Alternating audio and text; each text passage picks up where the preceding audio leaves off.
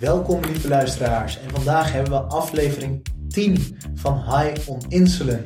En aangezien ik startte met het doel om minstens 10 afleveringen te maken, vieren we dat vandaag. En dit doe ik door aflevering 10 met Tim Biemans te hosten.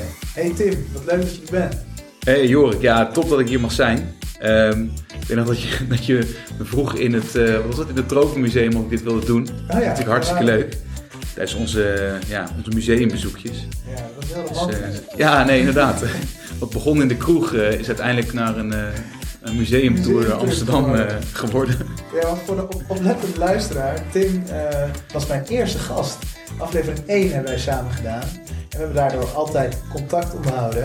En zoals je zei, in het begin spraken we af in de kroeg. Daar hebben we gezellige avonden gehad. Maar goed, door het coronavirus zijn onze kroegbezoeken veranderd in museumbezoeken.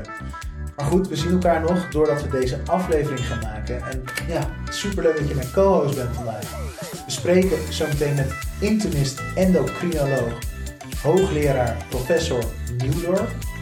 Wat verwacht jij van uh, professor Nieuwdorp, Tim? Um, nou, ja, wel veel. Ik las um, in oktober op, de, op het nieuws dat, uh, dat ze 1 miljoen funding hebben gekregen van uh, Stichting Don en ik geloof ook het Diabetesfonds. Ja, van Maarten de Gruiter, ook een, een, alumnus van deze podcast. Alumnus van, van ALS? Precies. Dus toen ben ik even gaan, gaan googlen en toen eigenlijk in een van de eerste hits vond ik dat hij, dat, dat hij niet per se in, in snelle genezing gelooft. Dus ik wil hem daar wel even, even over uithoren hoe hij daar nou echt over denkt. Laten we gaan luisteren naar uh, het gesprek met Max. Lijkt me top. Als je onderzoek doet per se, moet je altijd daarover vertellen. Zeker aan de patiënten die je daaraan blootstelt. Hè, Want het zijn niet leidende voor, we zijn er actief mee bezig. En vind het belangrijk dat, dat soms als er indianenverhalen ontstaan over onderzoek, dat dat dan ook, uh, nou ja, dat ik dat met eigen woorden kan zeggen. Uh, maar de, de andere reden waarom ik enthousiast ben, is omdat ik dus nog veel patiëntenzorg doe. Dat zal ik ook altijd blijven doen, want dat geeft mij eigenlijk mijn ideeën over wat ik moet, wat ik moet gaan onderzoeken. Vooral diabetespatiënten? Ja, en dan zie ik voor name, nou, denk net als, nou, iets, denk de, de helft van mijn poli is type 1 diabetes. Ja, hier moet ik professor Nieuwdorp direct eventjes onderbreken. Het leuke aan mijn co-host Tim Biemans is dat hij ontzettend scherp is. Zo gaf hij aan dat we het interview moeten starten met de luisteraar vertellen wat we gaan bespreken. Dus bij deze. Professor Nieuwdorp doet onderzoek naar de rol van het microbioom in het ontstaan en het reguleren van diabetes type 1. Dit doet hij aan het Amsterdam UMC. En het leuke is dat een vriendin van mij en Tim, Coco Fury Snetlage, hier aan meewerkt voor haar promotieonderzoek. Zij was dan ook onze ingang bij de drukbezette professor Nieuwdorp. En ik vind dat, de, ik ben endocrinoloog, ik vind type 1 diabetes echt de ernstigste endocrinologische ziekte die er is, want er is geen behandeling voor. Nou, dat heb je met schildklierziekte ook, maar uh, de behandeling van suikerziekte is insuline, dat is potentieel ook dodelijk. Er gaan ook jaarlijks nog steeds mensen dood aan ernstige hypo's en zo. Dus het is een ziekte waar, denk ik, te weinig awareness voor is. Terwijl het een hele heftige, veel voorkomende endocrinologische ziekte is. De behandeling is palliatief. Het is insuline, het geneest je niet, maar het kan wel hele heftige schades hebben. Dus, dus daarom uh, ben ik altijd wel enthousiast om daar iets over te zeggen. Omdat mensen het vaak afdoen als, oh, je hebt een suikerziekte en dan uh, krijg je de insuline en een beetje koolhydraten tellen en dat is het. Maar ik zie heel veel heftige complicaties en ik, dat, dus alleen daarom al, op die twee dingen was ik enthousiast. En, en ben je ook uh, op de poli op het uh, idee voor dit onderzoek gekomen? Uh, deels. ik vraag altijd dingen aan mensen als hoe slaapt u, heeft u veel stress, hoe is uw ontlasting? Dat doe ik al sinds ik 13 jaar geleden internist werd. Ehm, maar eigenlijk dit idee is gekomen. ik kom uit een familie waar heel veel type 2 diabetes voorkomt. Daarom wil ik ook onderzoek gaan doen, maar dat is genetisch. En uh, daar heb ik toen ben ik begonnen om te kijken wat doet het met uh, wat doen die veetjestransplantaties aan darmbacteriën. Omdat dat net in muis ook ontdekt was, dus 13 jaar geleden. En nu uh, en hey, eindelijk kom... Hebben, iemand, iemand komt binnen. Ja. Kom maar. Wat mij betreft kunnen we onder, gewoon doorgaan of we doen het opnieuw, wat je zo. Nee, we kunnen ook doorgaan. Er komt een arts binnen die even wat bloed gaat afnemen, begrijp ik. Ja. Is het ook onderdeel van, van de Nee, eigen... nee, nee, dit gaat echt voor mijn eigen suikerziekte. Oké. Oké, want u heeft zelf ook... Nee, nee, nee, maar ik zit wel op het randje, maar dat is type 2 diabetes suikerziekte. Ah, het. mijn hele familie heeft eh, suikerziekte. Beetje vervelend, maar van mijn vader, eh, alle broers en zussen hebben het. En ze zijn allemaal niet zo overgewichtig. Dus ik wilde, ik, af en toe laat ik testen hoe, ik, eh, Hoe het hoe het ervoor ervoor staat met eh, suikerbelasting. Maar goed, eh, even terug over, die, eh, over de veetjestransplantatie bij type 2 diabetes. Daar zagen we wel effecten in en dat het ook goed ging bij eh, eh, dat, je, dat je tijdelijk die ziekte kon wegnemen. Toen dacht ik, ja, type 2 diabetes is een veel voorkomende ziekte, maar misschien komt het juist ook wel heel erg, eh, eh, kan dit ook wel werken bij type 1 diabetes. Dus toen zo zijn we er eigenlijk op gekomen. Ja, dat vinden wij patiënten natuurlijk wel Ja. iets moois. Ik ben heel blij mee. type 1 toch vaak eh, ja, wel als belangrijk wordt gezien, maar de, de, de, de groep is kleiner, waardoor er voor ons gevoel minder Ja. onderzoek en minder resources naar type 1 gaan dan naar Ja, type nou ja, dat, 2. op zich valt dat wel mee. Hè? Dus eh, er is tegenwoordig door, eh, eh, hoe heet het? Door, ehm, door de Stichting Don en zo wordt er heel veel onderzoek gedaan naar type 2 eh, diabetes of type 1 diabetes. Dus het wordt steeds meer toegepast. Het is steeds meer onderzoek gedaan. Dus eh het valt op zich wel mee. Eh, ik vind dat er steeds meer awareness is. Ik denk dat we even moeten. Oh, daar komt hij al. Ja. Voor de luisteraar, Ja. professor van Nieuwdorp wordt op, professor Nieuwdorp moet ik zeggen, ja, niet Wordt- van. wordt op dit moment Geprikt. geprikt en er wordt bloed bij hem afgenomen. Ik weet dat jullie voelen, maar zo zeggen. Ja. Maar ehm, Nee, ik heb in een eerder interview met u ook gezien dat, eh, en Coco vertelde trouwens vanochtend ook nog, dat 3000 jaar geleden in de eh, Chinese handboeken al Ja. gezien werd dat dit soort onderzoeken gedaan werden. ja, nou ja, dan konden ze natuurlijk niet zoveel als wat wij nu eh, kunnen. Want wij, zij konden alleen die ontlastinggeving kijken wat er gebeurde eh, op ziekte. Maar ehm, wij kunnen nu natuurlijk ook de, de verantwoordelijke darmbacteriën aan, eh, aantonen of, of de ontbrekende aantonen. En dat is denk ik waar, waarom ik... Dus tien jaar geleden dacht ik, we gaan dit voor, ook voor type 1 diabetes doen. Daar was geen geld voor, dat heb je goed gezegd. We moesten het zelf financieren uit alle, zoals we dat noemen, praatjespotjes die je krijgt. Nou, op die manier wordt heel veel onderzoek gedaan. Dus eh, gewoon, gewoon eigenlijk liefdewerken op papier. En dat heeft, het onderzoek heeft ontzettend lang gelopen, eigenlijk 7, 8 jaar. Eh, Om twee redenen. Eén is, dankjewel. Eén is omdat, eh, ja, in dat tien jaar geleden wisten mensen niet zoveel over het microbioom. Dus eh, ga dan maar eens tegen een patiënt zoals jullie, die net op de eerste hulp komt. Zeggen, eh, ja, het is echt heel vervelend dat je ziekte hebt. Maar ehm, eh, ik heb misschien een behandeling voor je, maar daar moet je eh, zes keer voor naar het ziekenhuis komen in een jaar, waarvan je twee keer eh, een uh, maagkijk-interventie krijgt, dus een slangetje in je maag. Ja, dat is voor heel veel mensen, ja, het leven gaat net als een film voorbij, dus kan dit er niet bij hebben. Maar eh, dus twintig mensen hebben het wel gedaan. Ja, dat kostte gewoon tijd. Nu denk ik voor het vervolgonderzoek dat het wel wat sneller kan gaan, want we hebben nu laten zien wat we kunnen verwachten. Maar het was echt, echt een lange adem. Um, en ik vind nog steeds ook bijzonder dat inderdaad geen enkele beurs of, of uh, hoe noem je dat, grant uh, provider iets wilde geven hiervoor. Terwijl ik, ik vind juist altijd hoe, hoe stoutmoediger, hoe beter. Want met het klassieke onderzoek uh, met type 1 diabetes en met name natuurlijk het proefdeelonderzoek zijn we helaas niet zo heel veel verder gekomen. We hebben heel veel mechanismes in de muis ontdekt, maar die gelden bijna niet voor type 1 diabetes in de mens. Om het goed te begrijpen, het microbiomonderzoek focust zich dus vooral op hoe het microbioom van diabetespatiënten type 1 anders is dan van gezonde patiënten om te kijken hoe het microbioom misschien aangepast kan worden dat het eventueel weer ja. beter gaat werken, dat diabetes type 1 patiënt. Ja, nou ja, het is twee. Dus wat ik denk is dat um, om type 1 diabetes te krijgen moet je genen hebben, auto-immuungenen. Vaak ritselt het al in de familie met een beetje reuma of een beetje uh, schildklierziekte. Maar dat moet, dat, vaak moet je wel een erfelijke achtergrond hebben. En daarnaast is dan een veranderd darmmicrobioom, wat al jaren speelt. Um, kan zijn voor je puberteit, kan zijn na je puberteit. Kan in deels komen omdat je bijvoorbeeld antibiotica veel gehad hebt. Het kan komen omdat je een ander dieet bent gaan volgen, omdat je meer stress hebt gehad. Dan verandert dat microbioom. Die combinatie samen zet de boel aan.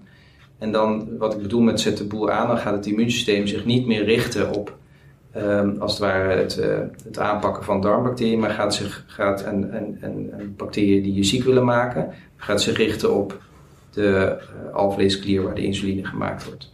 Nou, um, daar is een heel ingewikkelde theorie over, maar ik denk dat dat heel goed te verklaren is, omdat sommige darmbacteriën die slecht zijn voor je, eenzelfde suikerkapsel hebben als jouw alvleeskliercellen. Dus het immuunsysteem vergist zich, gaat daar naartoe en dan in één keer start de cascade, start het proces. Nou, dan kan het lichaam tegen vechten, kan het proberen te trager te laten gaan, maar uiteindelijk na een aantal jaar zak je door je hoeven, letterlijk, want je hebt niet genoeg eiland, uh, insuline producerende eilandjes meer. Dan kom je op de eerste hulp. Dus ik denk dat die interactie is dat het microbioom ervoor zorgt dat de boel aangezwengeld wordt, olie op het vuur. Dan gaat, en dan is eigenlijk de taak uh, op het moment dat jij op de eerste hulp komt of de diagnose krijgt van ik heb type 1 suikerziekte, dan heb je nog een restfunctie over. Uh, die is niet veel, maar die is er nog wel. En eigenlijk wat we nu nog steeds nooit konden en wat we nu gaan proberen verder uit te ontwikkelen met die veetjestransplantatie, kunnen we die restfunctie behouden. Want als we dat kunnen, hebben we je niet genezen, maar hebben we wel voor gezorgd dat je niet enorme hypo's en hypers krijgt. En dat zou eigenlijk het eerste onderdeel moeten zijn. Kunnen we met die darmbacterie die restfunctie behouden door het immuunsysteem minder agressief te maken? En de droom van mij, ik ben nu 43, dus ik hoop uh, over 20 jaar, dat we, op, dat we al in de jeugd, bij wijze van spreken, uh, als mensen naar het consultatiebureau gaan om toch prikjes te krijgen en dat soort dingen, dat dan samples steeds meegenomen worden, zodat we in de tijd in één persoon kunnen kijken, hé hey, kijk, we zien een bacteriestam veranderen, opletten. We moeten bijvoorbeeld nu uh, diëten gaan inzetten of vervolgen, zodat je veel eerder dan dat die hele schade van alvleesklier aanvallen en uiteindelijk uh, hoge suikers of de eerste hulp, dat je dat ver voordat het proces begint al op het spoor kunt komen. Nou, dat kan niet in bloed, dat hebben we al gezien. Die antistoffen zijn niet goed genoeg. Dus misschien kan het microbioom daarin helpen. En in Nederland zouden we dat heel mooi kunnen doen, want we hebben een prachtig consultatiebureau-systeem. Dus we kunnen in alle facetten, vroege jeugd, prepuberteit, of in de puberteit, in principe dit meenemen. Dat zou mijn droom zijn, want dan zou je het kunnen voorkomen. Maar nu kunnen we het niet genezen. Nu kunnen we zorgen dat hopelijk de mensen die hun eigen functie nog hebben, als ze binnenkomen en de diagnose krijgen, dat we die tenminste kunnen behouden. Want anders, als je niks doet, op een paar mensen na, is na een jaar, anderhalf jaar, alle restfunctie weg. Heb je geen eigen insulineproductie meer. Dus ja. de laatste kans. En dan moet je er dus ook zo vroeg bij zijn. Dus echt ja. na een paar maanden moet je al microbioom gaan testen. Ja, ik, na, na, als je het hebt over na een paar maanden na je geboorte. Ja, precies. Ja, want het is een sluipende ziekte. Ik weet niet hè, hoe oud jullie waren toen jullie die ziekte kreeg, maar we, we ja, Ik was acht. Ik was ja, ja. ja, dan is het waarschijnlijk al drie, vier jaar eerder begonnen. Ja. En al heel sluipend. Hè, maar je lichaam is enorm veerkrachtig en heel lenig. Dus kan heel veel nou ja, dan gaat het toch kijken of die alvleeskliercellen toch een beetje kunnen delen, want dat kunnen ze nog wel. Maar op een gegeven moment ja, is het niet meer te houden. Dan kom je op de eerste helft. Dus ik wil, mijn droom zou zijn, om, en omdat dat Nederland een klein, goed georganiseerd land is, om dit ooit uit te zoeken. Kunnen we veel vroeger dan dat mensen echt ziek worden, een suikerziekte type 1 krijgen, kunnen we die al opsporen? Dan is de tweede vraag, wat kunnen we ze dan als behandeling bieden? En dat, dat komt hopelijk uit het onderzoek van COCO. Want dat, hè, dus, want Coco uh, Fury die doet bij ons onderzoek naar dit. De, uh, veetjestransplantaties, hoe kun je de eh, resterende eigen insulineproductie nog een beetje oppoetsen. Ja, als we de, de bevindingen die we daar vinden, en laten zeggen, misschien vinden we wel een dieet, wat bijvoorbeeld dat immuunsysteem minder agressief maakt. Of misschien we wel een paar bacteriestammen die dat immuunsysteem minder agressief maken. Dan kunnen we dat mooi al verder uittesten. En dan heb je ook iets in handen om als je bij die jong, hele jonge kinderen, waar alles natuurlijk nog veiliger moet, iets vindt, kunt zeggen: hey, ga een bepaald dieet volgen. Of ja. um, we gaan dit en dit teruggeven aan. Want nu zijn jullie al soms poeptransplantaties gaan doen. Als ik het goed begrijp. Ja, nou, er is net een publicatie ook over verschenen in, uh, in Gut. Waarin we die eerste 20 mensen over de afgelopen 10 jaar behandeld hebben. En na een jaar gekeken hebben, gedurende een jaar gekeken hebben wat hun eigen, wat hun eigen eilandjes, insuline producerende functie nog was nadat we die veetjestransplantatie deden. En daarin zien we heel duidelijk dat een, de meerderheid van de type 1 patiënten met antistoffen, die doet wat, dus die, die, die stabiliseert. Dus die gaan niet verder achteruit in hun uh, productie van insuline. Uh, maar de een doet het beter dan de ander. En er is absoluut een combinatie tussen darmbacterie immuunsysteem en wat, wat er nog overblijft aan insulineproductie. Ja. Maar als je het stopt, hebben we ook gedaan, en we hebben dus na een jaar zijn we gestopt, hebben we helemaal niks meer gedaan. Als je die mensen dan later terugvraagt, is bij bijna iedereen de functie weg. Dus het zal alsnog een, een, een, een levenslang traject Ja. worden. Ja. En ook maatwerk. De het maatwerk, hoor. het wordt maatwerk. Het gaat niet voor iedereen werken, maar ik denk wel voor meer dan de helft.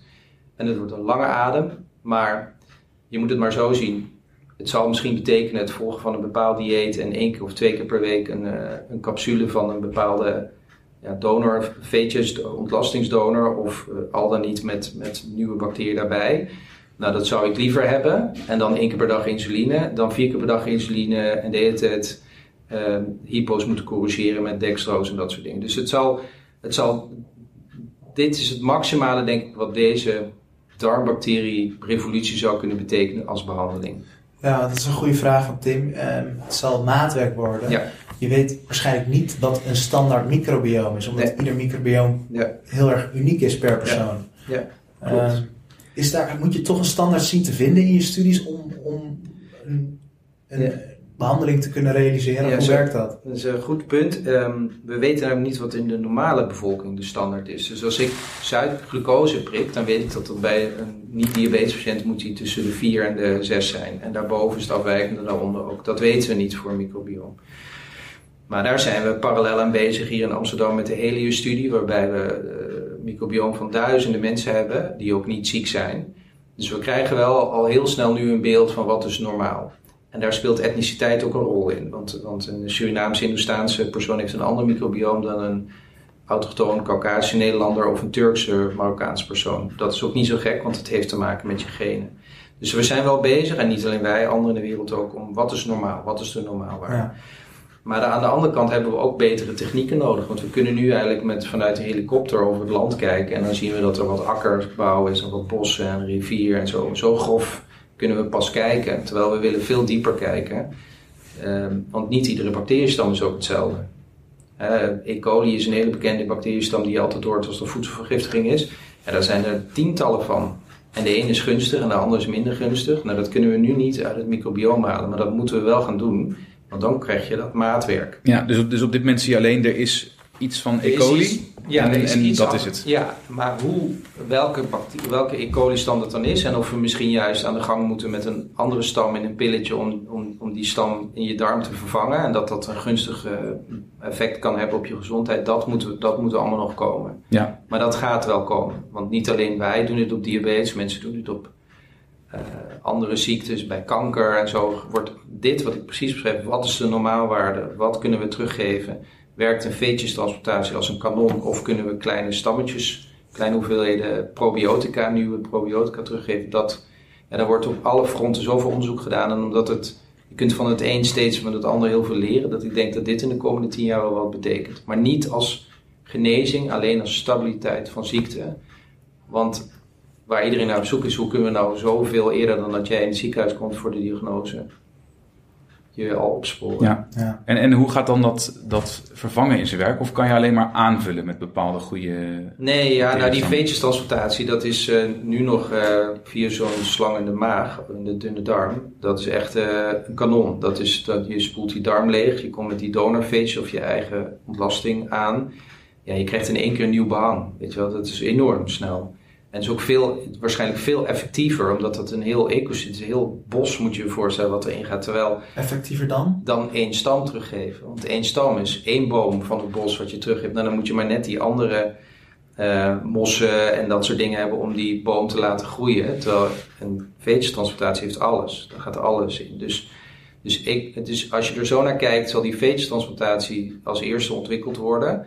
Maar we kunnen natuurlijk wel, eh eh laten zeggen, in mijn ontlasting als donor missen net die en die stammen. Die kun je natuurlijk wel toevoegen voordat je de veetjestransplantatie gaat doen. Omdat Ja. jij als diabetes juist die stammen mist. Om het extra te boosten.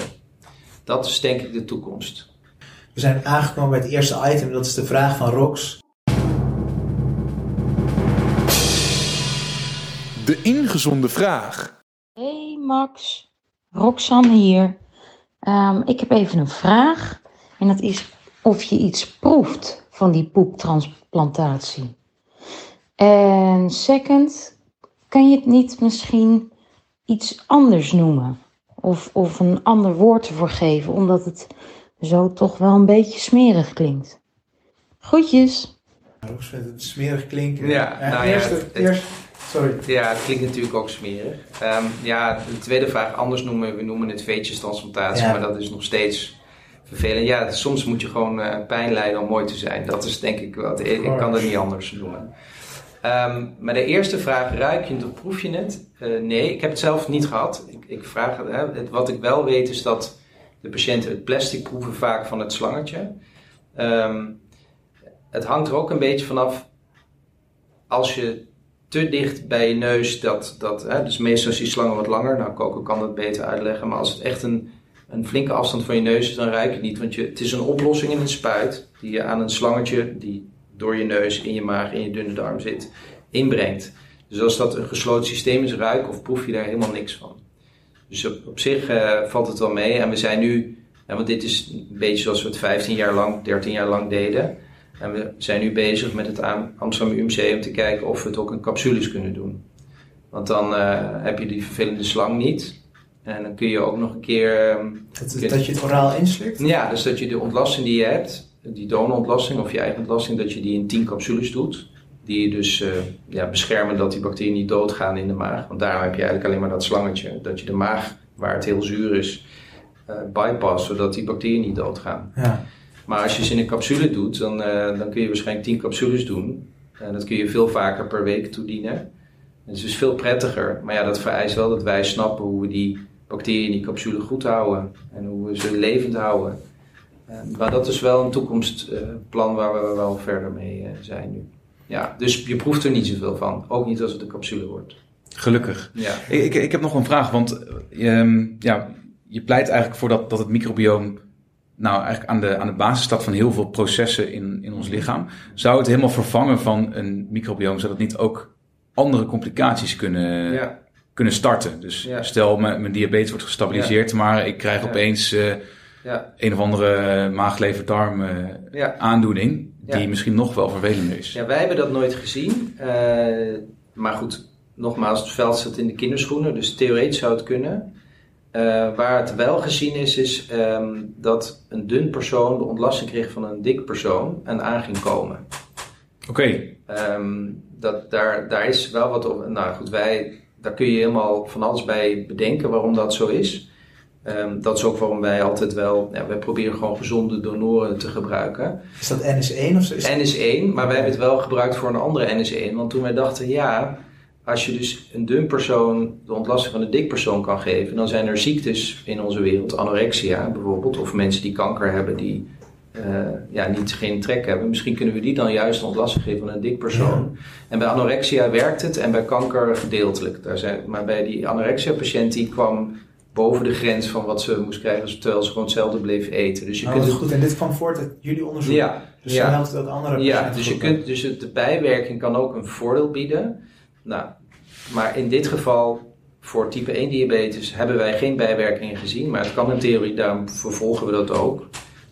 Ja, alles kan. Maar, maar wat, je, wat je meer ziet, is dat ehm, die veetjestransplantatie, daar komt dus een hele hoop nieuwe bacteriën binnen. Maar je, met name je genen en je immuunsysteem maken een snelle selectie welke bacteriën daar horen of een plek krijgen en welke niet. En wat we weten is dat, dat het waarschijnlijk wel de stammen zijn die je ooit kwijt bent geraakt. Die, die krijgen wel weer een nieuw plekje. Maar bacteriën die je nooit hebt gehad, die vinden waarschijnlijk niet een nieuw huis in je darm. Puur omdat er is echt heel, je genen zijn heel belangrijk voor wat daar in die darm leeft. Naast je dieet en naast eh, onze westerse lifestyle en eh, medicatie. Dus ehm, ja, het zou kunnen dat bijwerkingen geeft. Wij hebben ze niet gezien, behalve wat ik net zei. En dat hebben we in een, in een goed iets kunnen omdraaien. Maar de toekomst zal het leren. Ja. spannend. Wat ik me toch afvraag is, eh, je had het net over de verschillende eh, invloeden die op het microbioom inspelen. Dus je hebt eh, de westerse levensstijl, je hebt de medicatie die wij gebruiken. Nou, noem maar op. Misschien zijn er nog dingen die we niet eens weten die er invloed op hebben. Ehm, denkt, denk jij dat als je anders had geleefd, dus Tim en ik hebben nu bijna 20 jaar, ruim 20 jaar diabetes, maar dat het, dat bij ons toeval is geweest zeg maar, dat wij die type 1 hebben ontwikkeld? Of kun je er niet omheen dat een patiënt type 1 gaat ontwikkelen? Ja, nou, ehm, nee, je hebt altijd vanaf de geboorte af aan al kans gehad om het te krijgen, omdat je bepaalde genen hebt. Dat is een bepaalde HLA-type, dat, dat moet je hebben, om, want ik heb dat niet, ik krijg geen type 1 suikerziekte. Dus daarom zeg ik ook vaak zit er iets aan in, in de familie, of het zijn twee ouders die bij elkaar komen en juist dat type genen uh, geven. En dat kan je bij een kind Dat kun je testen, maar dat wil dan nog niet zeggen dat je suikerziekte krijgt. dan moet er dus iets dan weet je wat gebeuren. een risico is als Ja. je dat ziet. Ja, en dan weet je dat, dat als er daarna antistoffen ontstaan tegen de insuline, dan krijg je meer kans. Als je er twee of drie hebt, heb je 80% kans, maar niet 100% om suikerziekte of type 1 diabetes te ontwikkelen. Dus dat is ongeveer de status die we hadden tien jaar geleden. Nou, dat is niet zaligmakend, maar wat wij ons bedachten en waarom we ons op die ontlasting zijn gaan richten, is dat het wel zo is dat sinds de jaren 70 er drie keer zoveel type 1 diabetespatiënten zijn gekomen. Ja, Dat is deels eh, omdat er een grotere populatie is in de wereld. Maar überhaupt komt er veel meer auto-immuunziekten voor. In de jaren 70 hadden de maag- en leverartsen bijna geen eh, eh, inflammatoire darmziekte. Het kwam bijna niet voor. En nu is dat through the roof. Dus wat we denken is, en er is één ding wat veranderd is in de jaren 70 ten opzichte van daarvoor, is voeding. Sindsdien zijn we processed foods gaan eten, zijn we meer medicatie gaan gebruiken. Dus het is heel waarschijnlijk dat die combinatie van andere voeding, andere manier van leven, meer auto, meer stress, minder bewegen, eh, iets gedaan heeft aan onze omgeving. Ik denk dan het microbioom, maar het zou misschien potentieel wel luchtvervuiling, noem maar iets kunnen zijn geweest. En wordt het ook bevestigd als je kijkt naar andere eh, plekken in de wereld Ja. waar anders wordt gegeten? Ja, ja, ja, dus, dus eh, bepaalde, maar dat heeft- het heeft te maken met niet alleen met eten, maar ook met de omgeving. Hè? Dus bepaalde plekken in het noorden waar bijvoorbeeld anders gegeten wordt en een andere hoeveelheid vitamine D, krijg je meer of minder die type 1 diabetes. Dus ja, hebben jullie pech gehad? Nou, je hebt verkeerde genen en dan is er net iets geweest wat het proces in gang heeft gezet. En dat moet iets zijn van onze westerse wereld, want we zagen vroeger minder type 1 diabetes en minder auto-immuunziekten. En die zien we nu meer. Dus ja, dat, maar wat dat dan is, ik heb geen idee. Ik weet, ik, je moet dus, zoals het heet, een tweestapsraket hebben. Je hebt de genen en dan is dat niet 100%. zo- Want als het, als het zo was dat genen jou type 1 diabetes zouden geven, zouden alle kinderen van ouders met type 1 diabetes die ziekte krijgen. Dat is niet zo. Dat Ja. doet maar 1 op de 10, 1 op de 20. Dus. En dan hadden we ook niet naar microbiomen hoeven te kijken Ja, natuurlijk. ja, want het microbioom is de manier waarop de wereld en de voeding praat met jouw lichaam. Want kunt u dat kort uitleggen? Wat het, hoe zou u de, het microbioom omschrijven? Ja, als een soort fabriek in je lichaam die eh, ten eerste plaats egocentrisch is. Want die is daar gekomen deels door je ouders. eh, door- want als jij de, de luier verwisselt bij je baby, geef, je hebt interactie. Schatting is 50%. En, ehm, dus die is daar gekomen. En als hij daar in die eerste vier jaar genesteld is, wil hij ook niet meer weg. Dus dan is er een soort sleutelslot. Dat, is, dat klopt en dat blijft. Dan zie je wel dat er kleine veranderingen optreden. Als je bijvoorbeeld antibiotica neemt, maar het blijft het blijft neiging houden van, van een bepaalde kernsamenstelling. Daarom dat Coco ook in haar onderzoek vroeg, denk ik, naar eh, ben je een keizersnede Ja, geboren? ja, ja, dat heeft daar allemaal mee te maken. Maar ook ben je naar het kinderdagverblijf gegaan. Eh, heb je flesvoeding of borstvoeding gehad.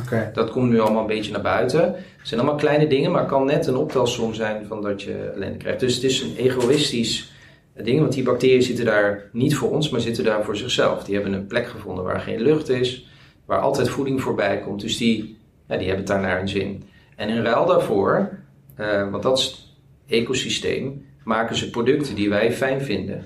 Dus eh, bijvoorbeeld als jij vezels eet, kun je die, jouw lichaam kan dat niet verteren, bruin brood. Maar als jij darmbacteriën hebt, maakt die bacterie die daar zit, omdat er geen lucht is, voor jou uit die vezels vetzuren die gunstig zijn voor je immuunsysteem en gunstig voor je darmen.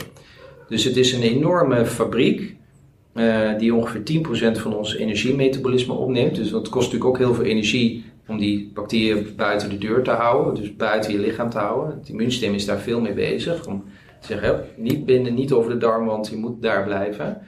En in ruil daarvoor krijg dus het kost energie, het is een egocentrisch systeem, maar het levert ons eh, ook voordelen op. Eh, alleen kan, het, is, het is een continue praat continu met ons lichaam. En ons lichaam is niet Nou, je ziet als we verouderen, veranderen onze, veranderen onze samenstelling van uh, microbioom. Dus, dus je ziet dat het continu een wisselwerking is. En er kan dus een moment zijn voor kanker of voor diabetes dat het net perfect storm is. Net, net door het volgen van een maand lang een bepaald dieet plus een paar antibiotica kuren, net te weinig van de bacterie X. Dan start het systeem op. Je hebt net ook verkeerde genen en bam. Zo, zo, zie, zo denk, maar zo zal waarschijnlijk ook colonkanker ontstaan. Het is een langdurig proces en het moet ergens begonnen zijn. En ik denk dat het op deze manier werkt, maar ja, dat, dat is een hypothese. Ja, de afgelopen tijd denk ik dat er steeds meer mensen heel erg bewust bezig zijn met, met voeding. voeding en ook een gezonde levensstijl. Ja, en ook met uh, niet te veel antibiotica nemen. Ja, ja nou, en zeker in Nederland. Ja. Maar ik ben ook heel erg benieuwd, ik weet niet hoe jullie daar naar kijken. Um, je kan het microbioom niet optimaliseren in een dag. Je kan het alleen op een lange termijn hopelijk op een goede manier realiseren. En je kan wel bepaalde dingen aanhouden om dat te doen, maar je weet nooit zeker of je de juiste dingen doet. Heeft u misschien toch tips om, om, een, om een ideaal bioom te creëren? Nee. Nou ja, ik doe het ik laat, ik laat zeggen, wat ik doe bij mijn kinderen, maar dat is voor jullie minder belangrijk, die heb ik altijd, uh, uh, altijd gewoon in vuile zandbakken laten spelen en zo niet te vaak handen wassen. Want hoe vuiler je omgeving is waar je opgroeit, hoe beter dat is voor je immuunsysteem en voor je darm. Dat is zeker. Want, Geldt het altijd of alleen op jonge leeftijd? Nee, jonge leeftijd. Dus dat, dat is één. Dan twee, hoe minder antibiotica, hoe beter. Want daar weten we wel van hoe meer. En in, Nederland hebben we maar een vijfde of zo van de kuren die in Amerika gemiddeld worden voorgeschreven. Ja, in Spanje koop je bij een pakje boter. Dus, ja, uh... en uh, dat is aan de ene kant slecht voor jou dat je die antibiotica, dat je die op een gegeven moment niet meer kunt gebruiken. Dat je resistent bent. Maar op de lange termijn is het denk ik ook echt slecht voor de rijkheid van je flora. Um, want, en dan kom ik eigenlijk het punt, ik denk dat dieet wel iets kan doen, maar je moet beseffen dat wij in de westerse wereld ten opzichte van mensen in de Amazone 30% van onze bacteriestammen kwijt zijn geraakt. En dat gaat door. Dus dat is de tol die we betalen voor dat we niet meer overlijden aan uh, uh, infecties en virussen. Ja, precies. Maar ja, die, dat verlies aan diversiteit, dat, dat heeft zijn weerslag. Want hoe rijker het bos qua flora en fauna, hoe beter het is. Nou, Kun je dan iets met dieet doen? Ja, een beetje. Maar wat echt weg is, komt niet meer terug. Zomaar. Een dieet, dan kun je nog zoveel dieet tegenaan gooien, maar een bacteriënstam die verdwenen is uit je darm, komt niet zomaar meer terug. Dus mijn, want dan moet je, die moet je actief teruggeven. Probiotica of zo'n transplantatie of weet ik veel wat. Dus het, idee is dat ik zelf probeer zo min mogelijk processed food te eten, zoveel mogelijk. Uh, wat je eigenlijk altijd ook 100 jaar geleden dus dat is uh, verse groenten, alles eigenlijk vers gemaakt, denk ik. Heel voorzichtig zijn met, maar dat doen jullie waarschijnlijk al, met smoothies en dat soort fructosehoudende producten. Want daar zitten, ehm, het, is, het is absoluut prima om een appel per dag te eten, maar als je appels en kiwis perst, dan krijg je enorme hoeveelheden bepaalde suikers binnen, geraffineerde suikers, die echt niet goed voor je zijn. Dus, dus, ook al zijn ze vers, als je daar te ja, veel van maar te veel. Het is niet, de natuur heeft nooit bedacht dat wij in een smoothie zitten soms vier appels en, en, en drie kiwis. Dat is nooit de bedoeling geweest. En zegt u dit tegen diabetespatiënten of tegen iedereen? Iedereen. iedereen. Besef dat, dat te veel niet goed is en kijk af en toe wat er in die, in die voeding zit. En, dan is, en daarom is het denk ik heel goed om zoveel mogelijk om bewust met je voeding bezig te zijn. Om ook een beetje te kijken waar je je goed bij voelt. Want de ene persoon moet je maar eens vragen in de omgeving, voelt zich heel goed na het eten van bepaalde voedingsstoffen. De ander wordt een beetje melancholisch. Dat is niet psychisch. Er is gewoon een relatie tussen darm en brein. Dus, het dan, mooi als je dat ontdekt bij jezelf. ja. Wat voor jou ja, want de dokter kan je niet helpen. Dit moet je zelf doen. En, en, vaak, ik stimuleer mensen op de polo denken eens wat voor voedingsproducten helpen jou, welke niet. Maar grosso modo, niet pakjes, niet te veel McDonald's. Af en toe doe je natuurlijk wel, maar zoveel mogelijk vers wat we eigenlijk altijd voordat we de 20e eeuw inwandelden gegeten hebben. En dat is matig met vlees, veel groente, veel, ehm, veel vezels, veel water. Dat is ongeveer wat het is. Ja, en, en, even een klein zijspoortje. Hoe sta je dan tegenover van die... Ketogene diëten? Bijvoorbeeld. Of van die uh, detox, sapkuren, ja. et cetera. Want dat wordt natuurlijk aangeprezen alsof het ja. de heilige graal is van... Drink drie dagen alleen maar fruit. En, uh, short term word je en eigenlijk kan je daarna een maand weer roken en drinken.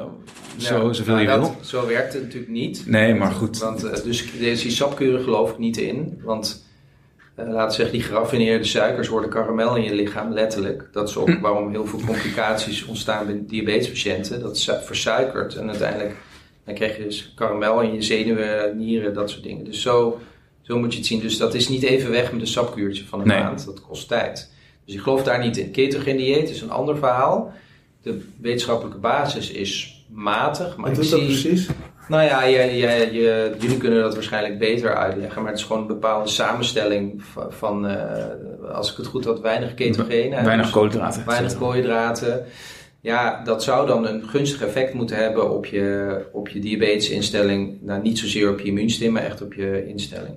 Ja, weet je, ik zou zeggen, ernstig kan het niet zijn, want, want lage koolhydraten is denk ik voor iedereen goed, mits je wel voldoende voedingsstoffen binnenhaalt. Hè? Dus ehm, je hebt gewoon een bepaalde energiebehoefte in je lichaam. Dus als je niet het koolhydraat haalt, dan moet je het halen uit, ik weet niet wat je dan neemt, of je dan bepaalde eh, vegetarische producten neemt, of eiwitten, of dat soort dingen. Dat hangt een beetje van de persoon natuurlijk zelf af. Maar waarom zou je het niet proberen? Je hebt een freestyle libre, dus je kunt kijken hoe je... Dat, vind, dat is eigenlijk mijn advies. Als je een bepaalde dieet wil uittesten, dat is voor iedereen verschillend. Dus eh, de diabetesverpleegkundige zal je niet zo 1, 2, 3 kunnen helpen met of dat voor jou wel of niet werkt. Maar je hebt de libre en ik heb ook wel eens een libre gedragen en gezien dat als ik eh, pizza had, dan vloog mijn suiker uit de bocht. Terwijl als Ja. ik rijst had, was wat minder en aardappels nog minder. En dat is Pizza voor mij zo. Maar dat hoeft niet per se voor een ander ook te zijn. Dus, dus dit moet je zelf testen. Maar dat dieet jou kan helpen om je HbA1c, je suikerinstelling te verbeteren, absoluut. En dat dat voor iedereen anders is, ook absoluut. En dat het voor een type 2 diabetes anders is dan voor een type 1, ook absoluut. Gevaarlijk is het niet, tenzij je echt gewoon zo weinig gaat eten dat je jezelf hypo's inspuit. Maar dat is evident. Ja. Ik weet niet, Tim, heb jij wel eens geëxperimenteerd met intermittent fasting? Ik heb het wel eens gedaan. Nee, ik niet. Nee, maar ik, ik merk wel bijvoorbeeld dat als ik eh, s ochtends een, een bakje havermout eet, dat, dan, dan ga ik enorm, krijg ik een enorme piek. Terwijl als ik een paar boterhammen eet, is er Ja. niks aan de hand. Ja. Ja, en ik heb bij dat intermittent fasting heb ik 2,5 maand geprobeerd. Ik zag de ochtenden, als je niks eet tot 12 uur en je, je staat ook op met een goede waarde, nou, dan heb je tot 12 uur 's middags gewoon een kaarsrechte lijn. Ja. Dus wat voor je lijf, denk ik, heel goed is, omdat je Ja. goede waarde hebt. Ja, Aan de andere kant had ik soms zo'n honger en weinig concentratie op werk. ja ik dat laatste. Dit, eh, dit, ik ben niet productief genoeg. Ja, nee, het is met name dat. Dus, dus, eh, en dat intermittent fasting zou ik wel voorzichtig mee zijn. Want dat, ja, dat, dat laat zeggen, voor gezond, of mensen zonder type 1 diabetes is dat, wordt dat gepropagandeerd. Ik, denk het enige bewijs wat we hebben dat dat werkt is nu bij kankerpatiënten. Dat als je vast en je geeft dan bepaalde medicijnen, werken die beter dan in de gevoede toestand. Maar ja, weet je, we weten gewoon ook heel veel dingen niet. Hè? Je moet, dat wat ik net al zei, we komen pas nu erachter hoe belangrijk voeding is op de lange termijn. En hoe belangrijk voedselkwaliteit is. En we moeten ook eerlijk zijn. Ik bedoel, doordat we al die eh, fabrieksvoeding hebben, zijn veel minder mensen aan het overlijden aan ondervoeding. Dus het heeft ons heel veel gebracht. Alleen alles in de wereld en alles in de natuur heeft een kostenbatenanalyse. En dat is ook met dit dieet. Je, het zou, en antibiotica ook. Het zou irreëel zijn om te denken... Nou, ik heb antibiotica, een infectieziekte de wereld uit en dat is het. Nee, er is altijd een schaduwkant. En de schaduwkant is... Het is niet zo goed voor je lichaam als je het te vaak gebruikt, want je verstoort je eigen flora. Het is niet zo goed voor het milieu, omdat de- al die bacteriën of die antibiotica in het milieu terechtkomen. Als je maar zo een beetje denkt, dan, dan kun je ook veel beter voorstellen dat, ja, experimenteer zelf wat goed is voor jou. Maar er gaat natuurlijk nooit een richtlijn komen over dit dieet is voor deze patiëntengroep het beste. Want het is persoonlijk maat gemaakt, wat je net zei. Ja. Dat verklaart ook wel waarom er zoveel diëten zijn dan. denk ik. Ja, en waarom het hype zijn. Ja. Ja. Als je er maar niet te veel geld aan kwijt bent. Ik echt van. Want dat, eh, ja, vaak worden die dieetgoeroes er rijker van dan eh, jullie er gezonder. Nou, uw vooraanstaande onderzoek is eh, ja, super interessant. Daarom zitten wij hier. En ehm, ik ben natuurlijk ook heel erg benieuwd. Ik weet niet hoe Tim daarover denkt. Of er ook een soort verdienmodel aangehangen moet worden. Ik weet dat Ja. u wel ambities hebt om Ja. een eigen bedrijf. Ja, Te nou ja, niet realiseren. alleen ik, hè, want gelukkig werk ik in eh, AMC. Dus alles wat wij doen eh, gaat via Amsterdam UMC. Ehm, ja, dat is een heel goed punt. Dus dieet niet. Kun je geen eh, verdienmodel opbouwen. Maar wat ik wel geleerd heb in die 20 jaar dat ik rondloop, is dat als wij niet als academisch ziekenhuis de dingen die we ontdekken vastleggen in een patent, dan gaat iemand anders ermee vandoor. Dus, uh, en dat gebeurt met name dan in Amerika of in andere plekken. Dus alles wat wij, bevind, als alles wat wij vinden, dat patenteren we. En dan is de volgende vraag, kun je het brengen in een, uh, in medicijn? En daar, ja, dat is zo hort en stoten. Ik, ik ga daar zeker niet komen. Maar het, het zou best wel eens kunnen dat we op een gegeven moment wel iets vinden wat iets kan opleveren. Nou, veetstransplantatie zal dat niet zijn. Maar misschien bepaalde darmbacteriën wel of een bepaald stofje uit die darmbacteriën. Maar dat is een hele andere tak van sport dan wat wij doen. Wij doen kleine patiëntenonderzoeken. Eh, als je dit soort dingen wil uitzoeken, moet je tienduizenden diabetespatiënten die medicijnen gaan geven. Dat kunnen we helemaal niet. Maar de bottom line is dat iedereen in een academisch ziekenhuis die iets bedenkt, wat iets vindt, wat belangrijk is. Ja, dat je dat, dat je dat sowieso patenteert. Want als er dan geld uitkomt, dan gaat het ook deels terug naar het ziekenhuis. Uiteraard. Grotendeels. Ja. Dus dat vind ik belangrijk. Dat je wel, je moet je ogen wel open houden. Want als jij iets briljants vindt, dat is, vroeger zijn er heel veel voorbeelden van geweest, dat de wetenschapper in het ziekenhuis er niks van terugzag en een farmaceut er multimiljonair van werd. Uh, is daar een heel goed voorbeeld van. Ja, ik vind, dat, ik vind het heel goed dat we daar kritisch naar kijken. Maar de wereld van het ontwikkelen van een nieuw medicijn is de wereld van het snelle geld en de venture capitalist. Ja. Nou, die denken wel anders dan dat jij en ik, of wat wij hier nu zitten te praten over timelines en over. Die hebben soms wel hele harde uh, eisen die ook niet reëel zijn. Dus dus is zeker nog niet een. Uh, met Bart Roep een tijd geleden. Ja, ja. En hij zit dan in Amerika voor zijn onderzoek. Ja. Leidt ook nog een groep in Leiden. Ja, klopt. Alleen ik denk dat de manier van onderzoek hij, dat hij doet in de States misschien wel lijkt op wat jij net omschrijft. Maar als het tenminste hetzelfde onderzoek is wat ik, wat ik weet dat hij doet, dat kan. Kijk, zij, zij, het voordeel in de States is dat er gewoon meer geld is voor het brengen van een idee naar de patiënt. Daar is gewoon namelijk meer geld, het is een groter land. Dus het is heel aanlokkelijk als wetenschapper die nieuwe bevindingen doet, niet in een klein celmodel, maar in de mens, om in Amerika te werken. Want daar, ja, daar is het makkelijker om mensen te vinden om een fase 1 tot en met 4 programma door te lopen.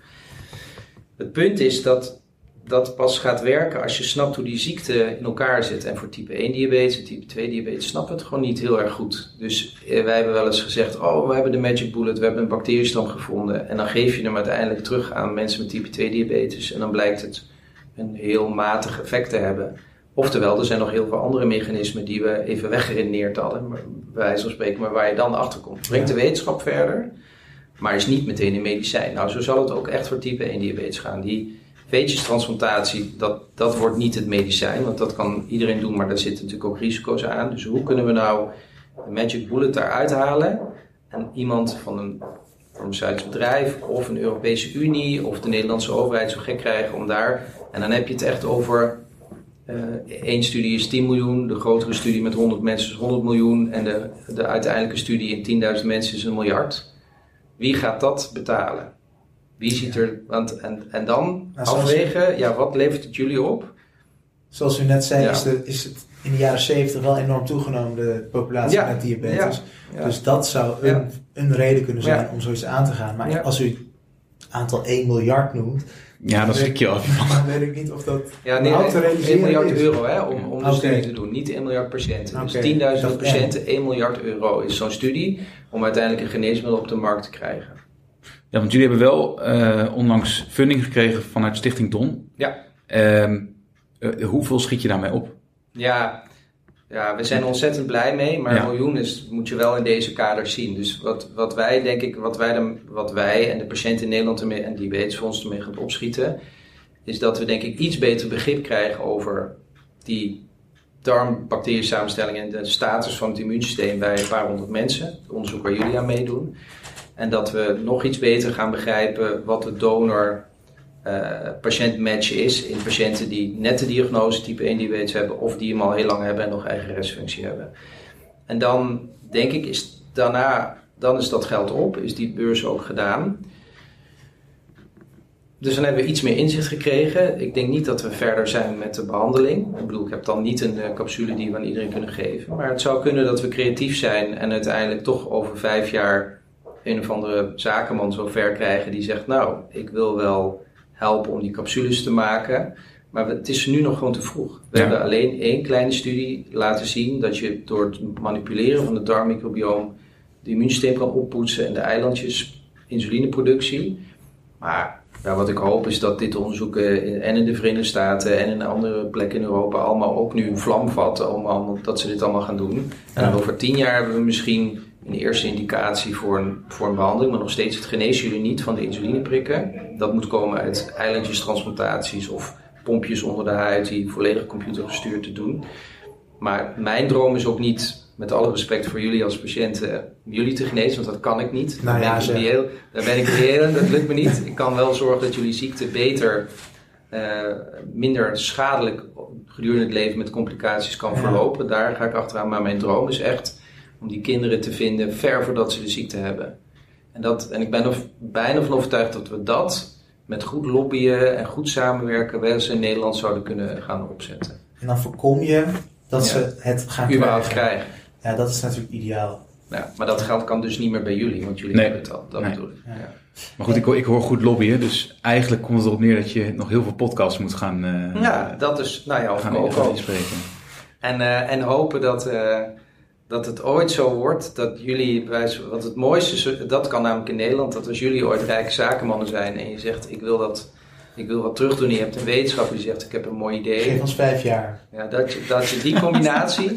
maar wat ik al zei, je moet reëel zijn. Een miljoen euro is veel geld, maar ook weer niet. Uh, we kunnen een klein stapje verder doen, maar wil je hier echt een powerhouse op zetten, dan moet en de overheid, en de farmaceutische industrie, en de patiëntenverenigingen, en rijke mecenassen, een soort, uh, hoe heet ze ook alweer, Mackenzie Scott van, uh, van, van, van, van Amazon dat soort geldbedragen heb je nodig om dit in tien jaar gewoon van de grond te krijgen. Daarom werkt de Gates Foundation ook zo goed. Die hebben zoveel geld. Daarom gaat in één wel malaria uit de wereld. Want als je er miljarden tegenaan gooit, dan kan het. Maar we moeten dus een keuze maken. En mijn lobby is om dat voor diabetes te doen, ja. Okay. Dus ik hoor het al, uh, Jorik. De volgende gast wordt Bill Gates. Ja, precies. Ja, Of, inderdaad Scott. Dat, ja, uh, ja, Scott McKenzie. Scott McKenzie. Ja, stond ergens in het FD. Gaat er alles weggeven totdat er, totdat er portemonnee leeg is. Ja, ik las gisteren weer een, kritisch stuk van ja, maar waar is jouw belastingafgifte uh, geweest? Ja, dat papiertje ook zien. Dat maar dat, dat mag ze bij ons doen. Ja, ja Prima. ga het maar vragen. Lijkt me een goed idee. nee, en over die lobby gesproken. Um, ik denk dat Tim en ik daar heel graag aan bij willen dragen. Dus uh, als we dat kunnen en, uh, en jij ons daarvoor nodig hebt, uh, zeg dat vooral. En, uh, noem nou, het gaat, je merkt al dat het gaat komen, want ze willen jonge mensen die, die aan de ene kant weten wat de wetenschap inhoudt, aan de andere kant wat de ziekte inhoudt. Je moet gewoon een spreekbuis hebben. En dat, doet, dat is nu, Don doet dat heel erg goed. Uh, maar het is natuurlijk gewoon, ja, er zijn nog zoveel andere ziektes, dus hoe, hoe, komt het, hoe gaan wij zorgen dat wij meer in de kijker komen dan onaardig gezegd de patiënt met hoog cholesterol of uh, dat, want dat is, dat is de lobby die erachter moet zitten. En daar begon ik mee. Ik vind van alle endocrinologische ziekten dit een van de heftigste ziekten die er is. Daar leg ik mijn urgentie. Maar we doen natuurlijk ook onderzoek naar het microbiome en schildklierziekte. Maar, daar, maar die ziekte is heel vervelend, maar dat is een pilletje per dag. En dat is niet de injecties en de continue glucose meten. Dus ja, da, daar ben ik dan weer opportun in. Dan kijk ik wel waar, waar heb ik dan de meeste voldoening in. En waar, en waar kan je het meeste toevoegen? Ja. ja. ja. Ja, want je kunt wel 10.000 dingen bestuderen. Ja, Toch? dat is waar. Ja. Super interessant. En uh, nou, ik denk dat wij met die lobby uh, gaan wij uh, graag helpen. ik ook ook, maar ook helpen. En daarbij... Het eh, netwerk. ja. is het belangrijk dat een soort... Ja, misschien klinkt het niet zo chic, maar een soort salesmachine voor die ja. type 1 ja. gerealiseerd wordt. Wat zei ik ook? IJsbucket Challenge. IJsbucket Challenge, ja. ja. ja. ja. ja. Op naar de veetjescapsules, ja. Het zou mooi zijn. Ja, super. Ik denk dat het een uh, mooie afsluiting is van uh, aflevering 10 van High on Insulin. En, uh, Hadden jullie geen vraag voor mij? voor de volgende? of is dit de laatste? Nou, wat wij willen. ik ben heel erg benieuwd of je nog een laatste geluid hebt aan de luisteraars. Nou ja, nou ja dit, dat, dat voor de type 1 diabetes patiënten als je reëel bent en je ziet wat voor technologie er nu is, dan wordt je ziekte makkelijker. Dat is zeker. Uh, maar je bent, je bent eeuwig je bewust van je patiënt zijn. Dus dat is vervelend. Er zitten altijd apparaten of injectiepennen of sensoren aan je lichaam of bij je lichaam. Maar daarmee kun je wel gewoon een normale leeftijd halen, of een normale levensverwachting. En de complicaties worden ook steeds minder. Dus het is wel een goede. Het is fijn om. Je bent er de hele dag mee bezig, maar dat is, een, dat is heel veel waard, want nou, je, je hebt een redelijk normaal leven. Maar ik zou het vooral uitdragen als niet, het is zomaar suikerziekte. Het is namelijk echt wel een hele heftige ziekte die we redelijk kunnen ondervangen.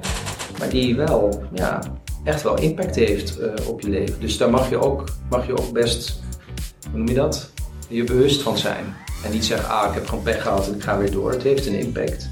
Maar met de technologie en met alle onderzoek, eh, het wordt langzaam een beter manageable ziekte.